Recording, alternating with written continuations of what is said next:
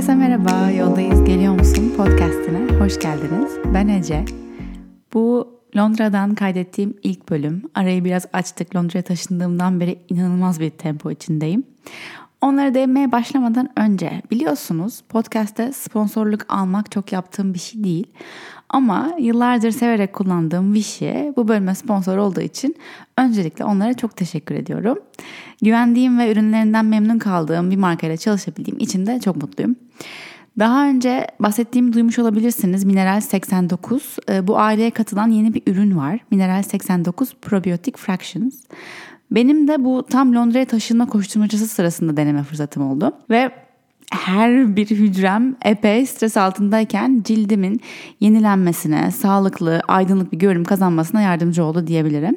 İçinde probiyotik türevi ve niasinamid var.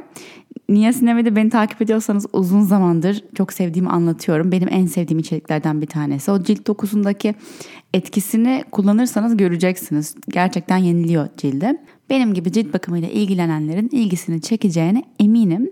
Size bir özel e, kod istedim onlardan. Teşekkür ediyorum onlara bu, bu ricamı kabul ettikleri için. İlk 100 kişiye. O yüzden eğer şu an bunu dinliyorsanız yeni yayınladığımda mutlaka hemen açıklamalardaki linke tıklayın. Çünkü ilk 100 kişiye ECE89 koduyla %10 indirim sağlıyorlar. Linki, alışveriş linkini bu bölümün açıklamalarında bulabilirsiniz. Son olarak eğer bu bölümü yayınlandığı gibi dinliyorsanız yine yarın 25 Mayıs Salı akşamı saat 8'de Instagram'dan yine bu cilt bakımı üzerine çok keyifli bir sohbetimiz, canlı yayınımız olacak. Ona da katılırsanız çok sevinirim. Vichy'ye tekrar bu bölüme destek oldukları için çok teşekkür ediyorum. Şimdi konuşmayalı neler oldu? Biraz ondan bahsedelim.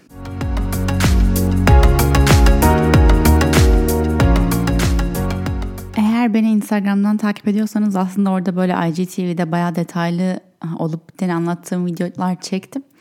Ama burada da kısa bir özet geçeyim. Biz e, İstanbul'daki evimizden Mart sonunda çıktık. Önce bir süre İstanbul'da yaşamaya devam ettik. İşte arkadaşımızda kaldık, ailemizde kaldık.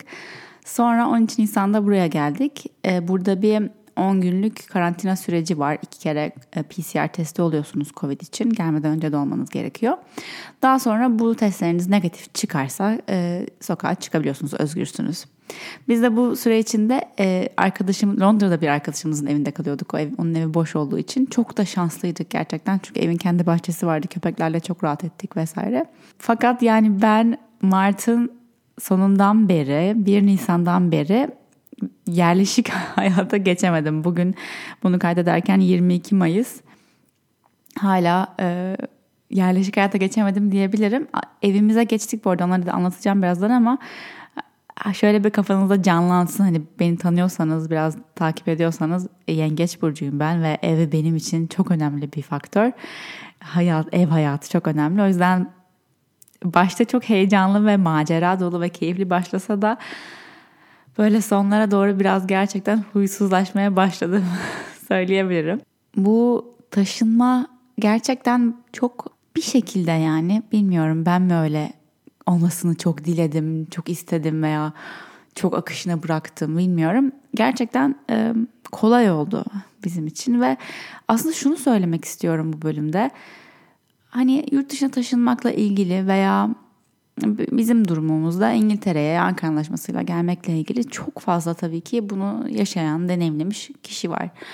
Ve ben çok fazla insandan e, ah çok zor olacak, şu çok zor olacak, şu çok uzun sürecek, önce şunu yapamayacaksın, o yüzden öbürünü yapamayacaksın gibi böyle bir sürü yorum ve böyle benim için bir beklenti oluşturmaya çalışan aslında kötü niyetli değil kesinlikle iyi niyetli hani beni hazırlamaya çalışan e, bilgiler böyle yağıyordu üzerime. Fakat ben hepsine bunların böyle e, böyle omzumdan dokunup geçmesini sağlamaya çalıştım. Hep böyle belki bizim için öyle olmaz ya da bizim için öyle olmayacağına bir şekilde kendimi inandırmıştım ki zaten bence hayat nasıl olacağına inanırsanız öyle geçiyor.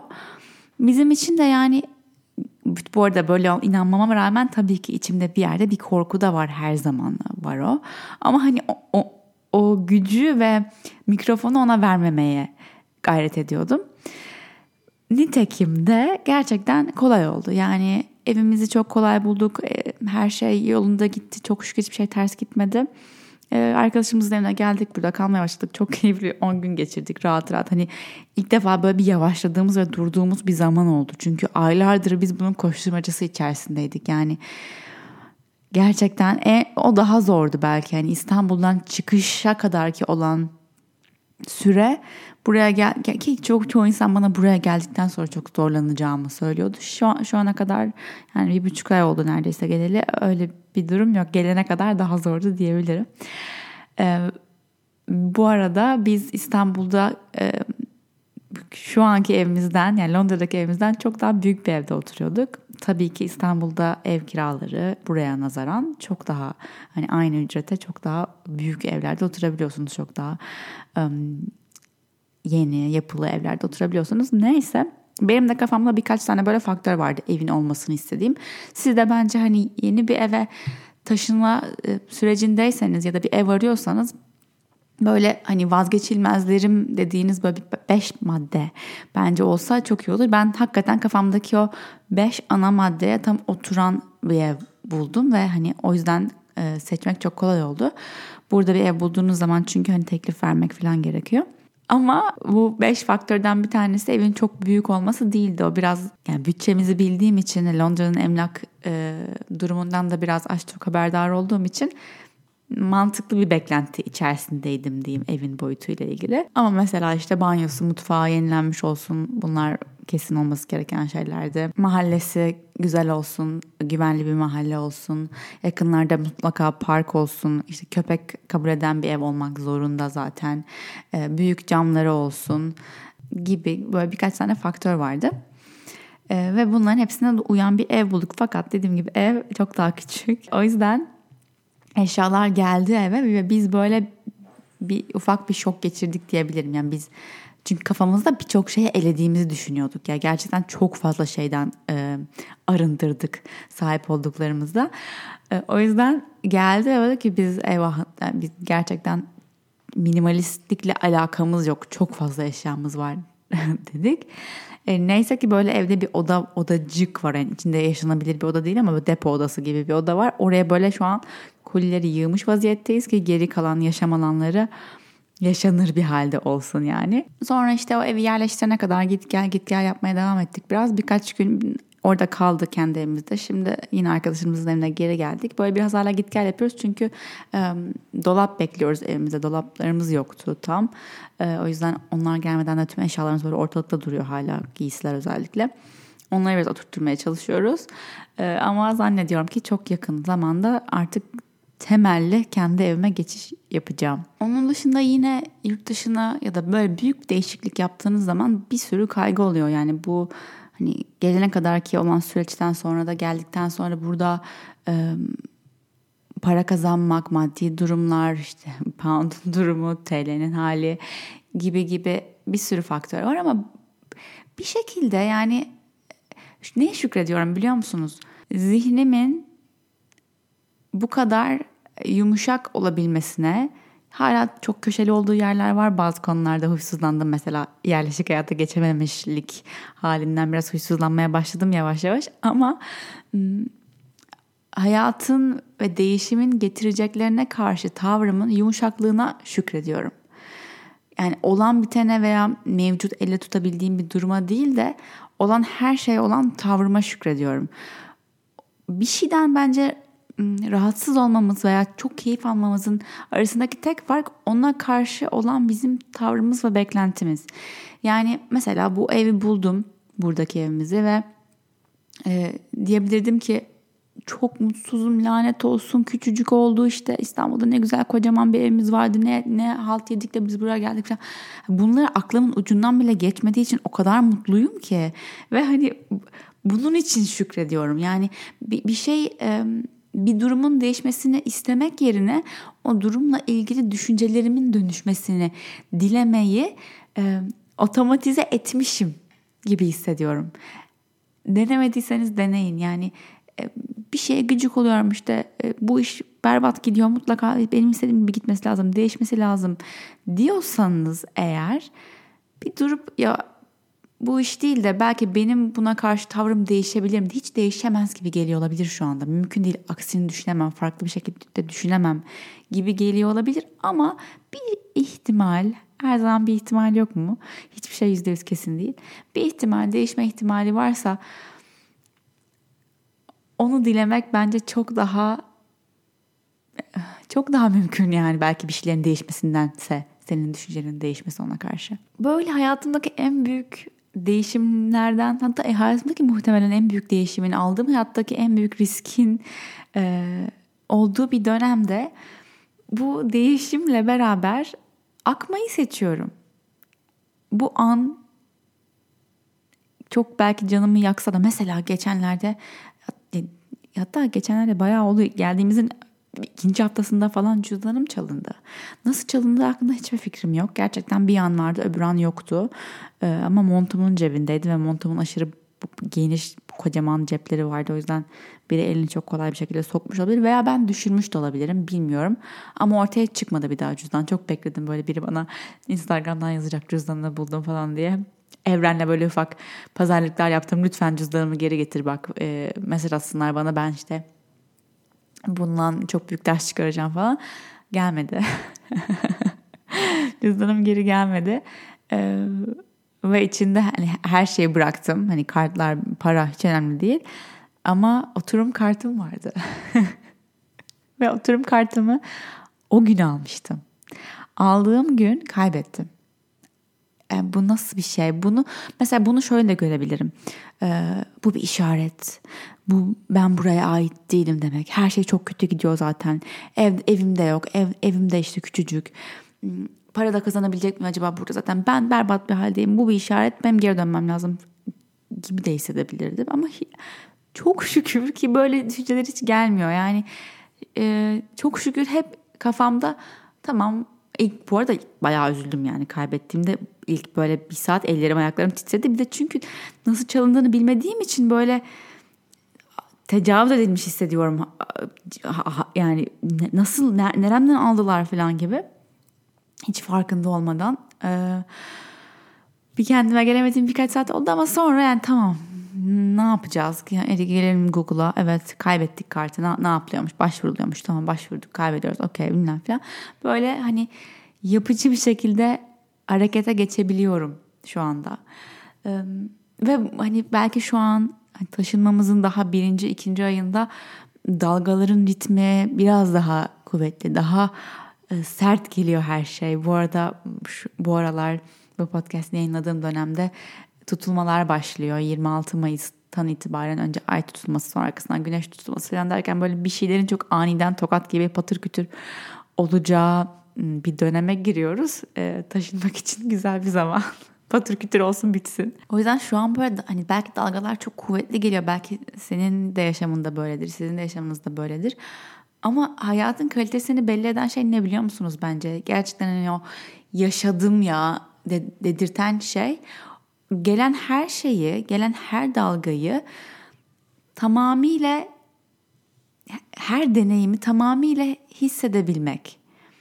Gelen her deneyimi tamamıyla tatmak yani cüzdanım mı çalındı? Ya hissettiklerimi yaşadım gerçekten. O an kendimi izledim. Bunun beni üzdüğünü fark ettim. Bunun beni endişelendirdiğini fark ettim. Bunun beni korkuttuğunu fark ettim. Bundan sonra nasıl bir adım atacağıma baktım Sonra kendimi yatıştırdım. Bunlar hepsi birer deneyim, birer dalga. İyi ya da kötü değil. Olması gereken veya olmaması gereken değil. Olan. Bu olmuş yani. Ve benim yapabileceğim tek şey şu anda zihnimin olanı kabul etmesi için niyet etmek. Ve çok şükür ki zihnim bu şekilde benim gerçekten harekete geçmiş bir otomatizasyon var burada. Başka yaptığım bir şey ise burada daha önce de bahsettim bundan podcast'te. Bana ilham veren insanlara yani baktığımda böyle ben de kendimi orada görebiliyorum dedirten insanla, insanlara daha çok bakmaya başladım ve bakıp ya ben burada olmak istemiyorum, onun gibi olmak istemiyorum dediğim insanlara daha az bakmaya çalışıyorum. Yaptığım bir başka şey Twitter mı private yaptım. E, gizli yani takip etmek için istek göndermesi gerekiyor yaptım ve Twitter uygulamasını telefonumdan sildim. Beni oradan podcast dinleyerek takip edenlerin çok olduğunu biliyorum ama gerçekten özellikle son zamanlarda ki bundan ayrı bir bölümde bahsetmek istiyorum dünyada olan bitenlerden. Twitter'ın çok toksik bir yer olduğunu hissetmeye başladım ve kendimi orada istediğim gibi ifade edemediğimi ve insanların da aslında e, Twitter üzerinde çok korkudan gelen, nefretten gelen yerlerden konuşmaya başladığını gördüğüm için bu, bununla olan ilişkimi kesmek istedim. En azından şu anda bilmiyorum sonra ne olur. Ee, ama bunu da yaptım. Yani bu şekilde her zaman yapabileceğiniz bir şey var. Her zaman bir seçim hakkı var. Eğer zihninde bir yer seçme şansın yoktu diyorsa evet belki bir gün bir zamanlar yoktu. Geçmişte bir zamanlar belki çocukken bir şey olmuştu. Seçme şansın olmamıştı. Ama bugün seçme şansın var geçmişte olan bir şeyin şu anki düşünce şeklini bu kadar derinden etkilemesine izin vermeyebilirsin. Tabii ki böyle nüans etkiliyor. Arkadan sesleri geliyor onların ama hareketini etkileyen şeyler o olmasın. Tabii bu başkalarına baktıkça olmak istediğim insanlar, e, benzemek istediğim ya da kendimi gördüğüm, gelecekte kendimi gördüğüm insanlara baktıkça bir yandan da içimdeki o daha fazlasını yapmalıyım e, diyen aslında tamamen benden kaynaklı ses de çok yükseliyor. Ve fark ediyorum ki ben bu benim için doğru, senin için doğru olmayabilir ama eğer senin için doğruysa belki e, yardımcı olur. Ben daha fazla yapmaya çalıştıkça ki buna programlanmış gibiyim yani daha fazla yaparsam zihnimde böyle düşünüyorum. Daha fazla yaparsam daha başarılı olurum. Daha fazla yaparsam daha değerli olurum. Daha fazla yaparsam daha çok sevilirim. Daha fazla yaparsam daha iyiyim demektir gibi böyle programlan program programlanmalar var kafamda. Ama işin garip yanı daha fazla yaptıkça aslında gerçekten daha çok çalıştıkça, daha çok durmadan çalıştıkça, dinlenmeye izin vermedikçe kendime zaman ayırmadıkça, kendimi dinlemeye zaman ayırmadıkça çünkü benim programlan, programlanmam böyle oluyor. Yani o diyorum böyle meditasyon, yoga falan ama e, bu ona zaman ayırmak, meditasyonla yogaya zaman ayırmak benim için gerçekten e, bir efor istiyor. Bilinçli bir karar istiyor. Çünkü asıl normalim benim, normal işleyiş şekli zihnimin ve vücudumun durmadan çalışmaya devam etmek. Unutuyorum yani yorulduğumu fark etmiyorum bile diyeyim o, o seviyede. Ama sorun şu ki yorulduğumu fark etmiyorum. Çalışmaya devam ediyorum. Ama buna devam ettikçe daha eksik hissediyorum. Daha eksik hissetmeme rağmen hala neden daha çok yaptıkça daha değerli olacağıma inanıyorum zıtlığından henüz çıkabilmiş değilim ama en azından bu e, bu iki faktörü görebiliyorum şu anda. Ve diyorum ki belki de belki de daha az yapmaya çalışmayı hedef belirleyebilirim. Yani hedefim bir şey yapmaya çalışmam gerekiyor yani çalışmam. Çalışmak benim olayım ya.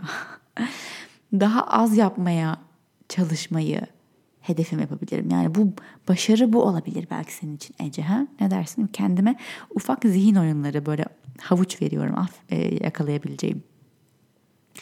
O burnout yani çalışmaktan yanma halini cool, havalı yapmaktansa belki bu iş ve özel hayat dengesini e, kurabilenleri alkışlayabiliriz ben de bu hani bakıp onun gibi olmak istiyorum dediğim insanlar da böyle şeyler bu ara bulmaya çalışıyorum. Yani böyle insanlara bakmaya çalışıyorum. Sonsuza kadar çalışıp kendini öldürmüş ve özel hayatı ve neşesi kalmamış insanlar değil de belki dünyadaki en başarılı insan değil ama mutlu, keyifli bir hayatı var. En azından ben öyle görüyorum, öyle yansıyor bana. Böyle insanlara bakmaya çalışıyorum. Belki bu bu dengeyi bulmuş kişileri alkışlayabiliriz. Belki diyebiliriz ki baksana kendine ne kadar iyi bakıyor. Hani bu bir başarı olabilir. Kendine ne kadar iyi bakıyor. Ve bu kendine iyi bakma, kendine zaman ayırma, burnout olmadan gerçekten dinlenmeye çalışma, konuları başladığı zaman kafamda böyle bir yandan da ama sen şusun ama sen busun bu böyle yapar şu şöyle yapar gibi kendime e, koyduğum etiketler ve bu etiketlerin e, olması davranması gerektiği şekiller yüz üstüne çıkmaya başlıyor. Bazı etiketler var çok kolay böyle parmağımın ucuyla atabilirim. Mesela YouTuber. YouTuber olmaktan bir günde vazgeçebildim. Onu, demek ki ona çok tutunmamışım. Kendimi ona çok e, bağdaştırmamışım. O bize, bana hizmet etmiş bir süre o etiket. Sonra ondan vazgeçebilmişim. Bye. Vardır eminim sizin de böyle düşündüğünüz şeyler. Bir zamanlar kendime şöyle diyordum. Ne bileyim ben belki bir zamanlar e, kaykaycıydın. Artık hiç alakan yok falan. Olabilir. Daha, çok daha fazla örnekleri vardır bunun. Öyle vazgeçebildiğin, değiştiğin, ona, ona artık ait hissetmediğin bir şeyler olabiliyor. Ama bazıları var ki, bazıları var ki onlar olmadan, o etiketler olmadan ben neyim, ben neyim ki diyorsun. O etiketler var ya o etiketler seni zindanda tutuyor. O etiketler seni hapiste tutuyor. Mesela en bunların e, vazgeçilmezleri belki biraz böyle şeyleri söylemem. Hmm. Herkes tarafından hoş görülmeyebilir ama mesela Türk'üm etiket. Ben Türk olmasam ne olurum? Veya anne. Ben anneyim. Ben bir anneyim. Dediğinde anne olmasaydın. Şu an o etiketi senden alsalardı. Bunu bu, mesela bu, bunu söylemem. O kendin için bir örnek bul. Ne, ne bileyim ben. Ben eğitimli bir insanım. Ben aydın bir insanım. Ben feministim. Bu, bu etiketler yani ne, her neyse senin için başka örneğini bul. Bu etiketlerin hepsi çok güzel etiketler bu arada yani tebrik ediyorum. Hepsi çok güzel etiketler. Hiçbir yargım yok bunlara karşı. Ama sorun şurada. Onun senden alındığını hayal ettiğinde içinde nasıl bir his oluşuyor?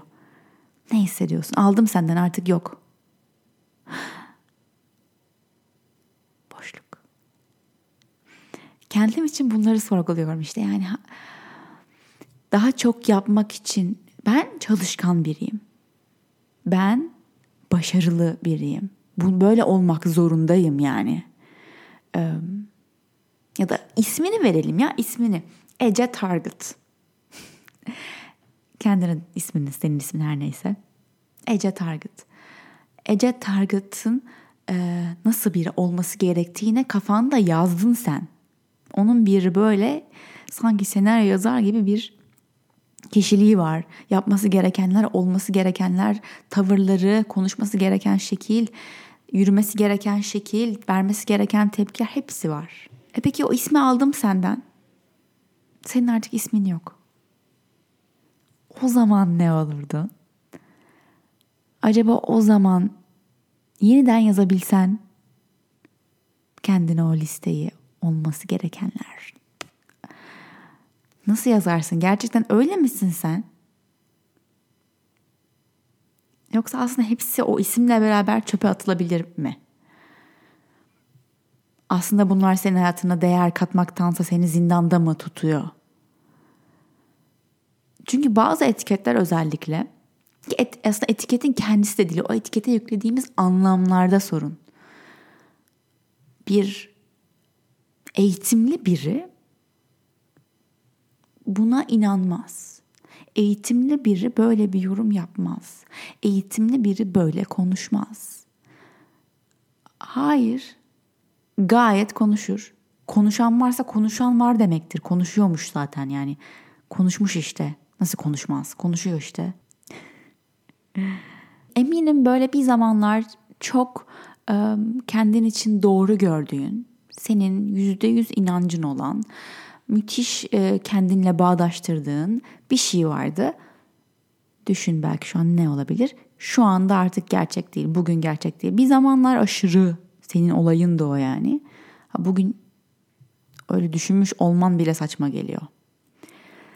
Neden? Bu çok normal bir şey. Neden? Çünkü değişiyoruz. Her an değişiyoruz. Şu an daha podcast'in başından bu ana kadar değiştin. Bak ben sana söyleyeyim. Ben de değiştim.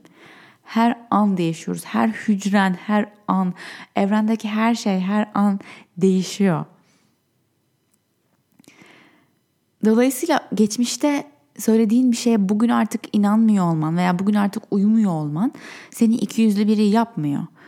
Değişmiş oluyorsun sadece. Bunun bundan daha doğal bir şey olamaz.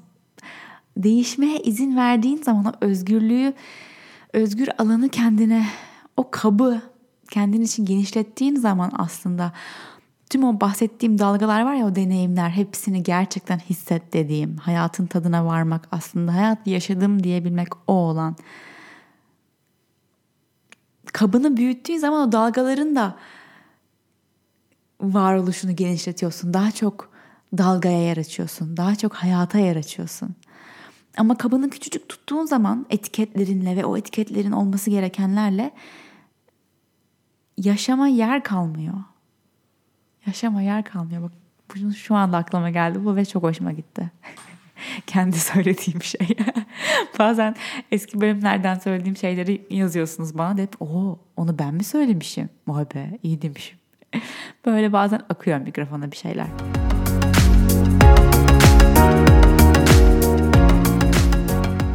Buraya geldiğimden beri kafamı kurcalayan, düşündüğüm bir konuda, bu da son olsun sonra bitirelim podcast'te. Dedim ya hani o havalı yapmayalım bu ölümüne çalışmayı ee, ve benim artık ilham aldığım kişiler o dengeyi bulabilmiş kişiler. Ben de hayatımda bu dengeyi aramaya çalışıyorum, bulmaya çalışıyorum. Ama yine de bazı arzularım var yani para kazanmak, maddi rahatlığım olması, istediğim evde yaşayabilmek, ileride çocuğum olduğu zaman ona güzel bir hayat sunabilmek, gezebilmek, görebilmek, istediğim yemekleri yiyebilmek. Böyle maddi ve böyle daha dünyevi e, arzularım var. Ben bir kadınım yani bir kadın olarak e, kendimi görüyorum. Ve böyle maddi arzularım var tamam mı? Ve mesela arzularımdan bir tanesi hani çok en maddiyatçı böyle dünyevi arzu diyeyim. Bir arabam olması ve bu arabanın gerçekten şu an markasını tam karar vermedim çünkü o kadar bilgili değilim açıkçası arabalarla ilgili ama bir gün e, Londra'da hala yaşıyorsak inşallah e, Londra'da yaşamak istiyorum belli ki buraya geldiğime göre e, burada bir arabam olması ve güzel bir araba olması belki hani bir jip tarzında bir şey olabilir arkada çocuk koltuğunu koymak işte ne bileyim ben lüks bir araba olmasını istiyorum yani. Böyle bir şey istiyorum. Olmazsa ölür müyüm? Ölmem. Ama böyle bir şey istiyorum tamam mı? Ben bir kadın tekrar altını çiziyorum. Neden söylediğimi anlayacaksınız şimdi. Bir kadın olarak hadi marka da koyalım arabaya. Ee, Mercedes olsun. Mercedes Jeep istiyorum tamam mı? Ben bir kadınım. Ben bir kadın olduğum için Mercedes Jeep'e binmek istemek belki şu anda kendi şu an beni dinlerken sende de oldu bu dinleyicide. Bunu istiyor olmam sanki rahatsız ediyor değil mi? Belki hiçbir hiç etmeyenleriniz de var aranızda ama bir kadının böyle maddi bir arzuda e, arzusunu deklare etmesi ters geliyor. Olmaz, olamaz yani. Hatta ileri gideyim ne haddine ya senin gibi geliyor.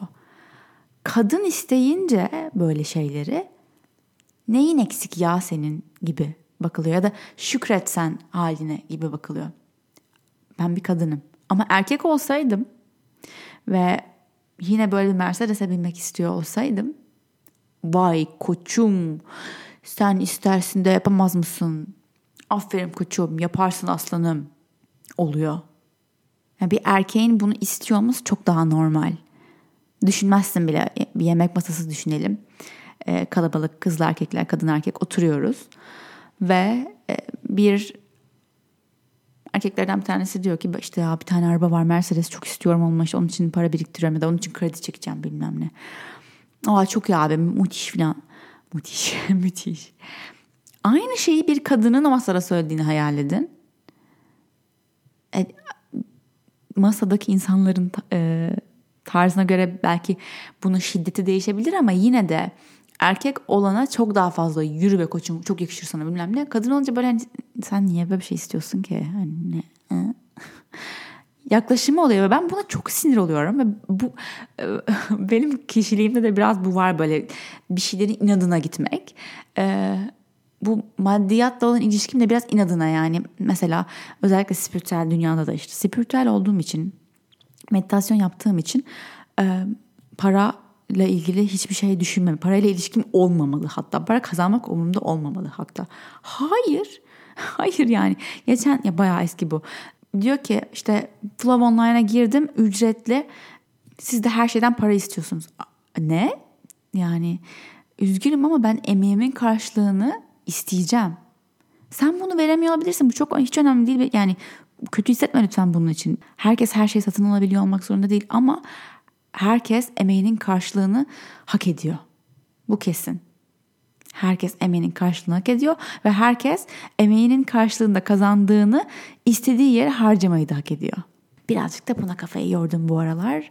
Böyle kadın erkek dengelerine buradayken kafamda deli sorular. Şimdilik bu kadar. Beni dinlediğiniz için çok teşekkür ederim. Vishi'ye bu bölüme destek olduğu için çok teşekkür ederim. Dediğim gibi ilk 100 kişiye indirim var. O yüzden zaman kaybetmeden linke tıklayın açıklamalar kutusundaki podcast'in. Onun dışında şu anda bir dediğim gibi tutulma dönemine giriyoruz. Eğer sıkışmış, yorulmuş, desteğe ihtiyacın olduğunu, biraz kendine zaman ayırmaya ihtiyacın olduğunu hissediyorsan Flow Online'da hem derslerimize hem de ayrıteline yeni bir ayrıteli geliyor. Bakabilirsin. Beni dinlediğin için çok teşekkür ederim. Bir sonraki bölüme kadar yoldayız. Geliyoruz.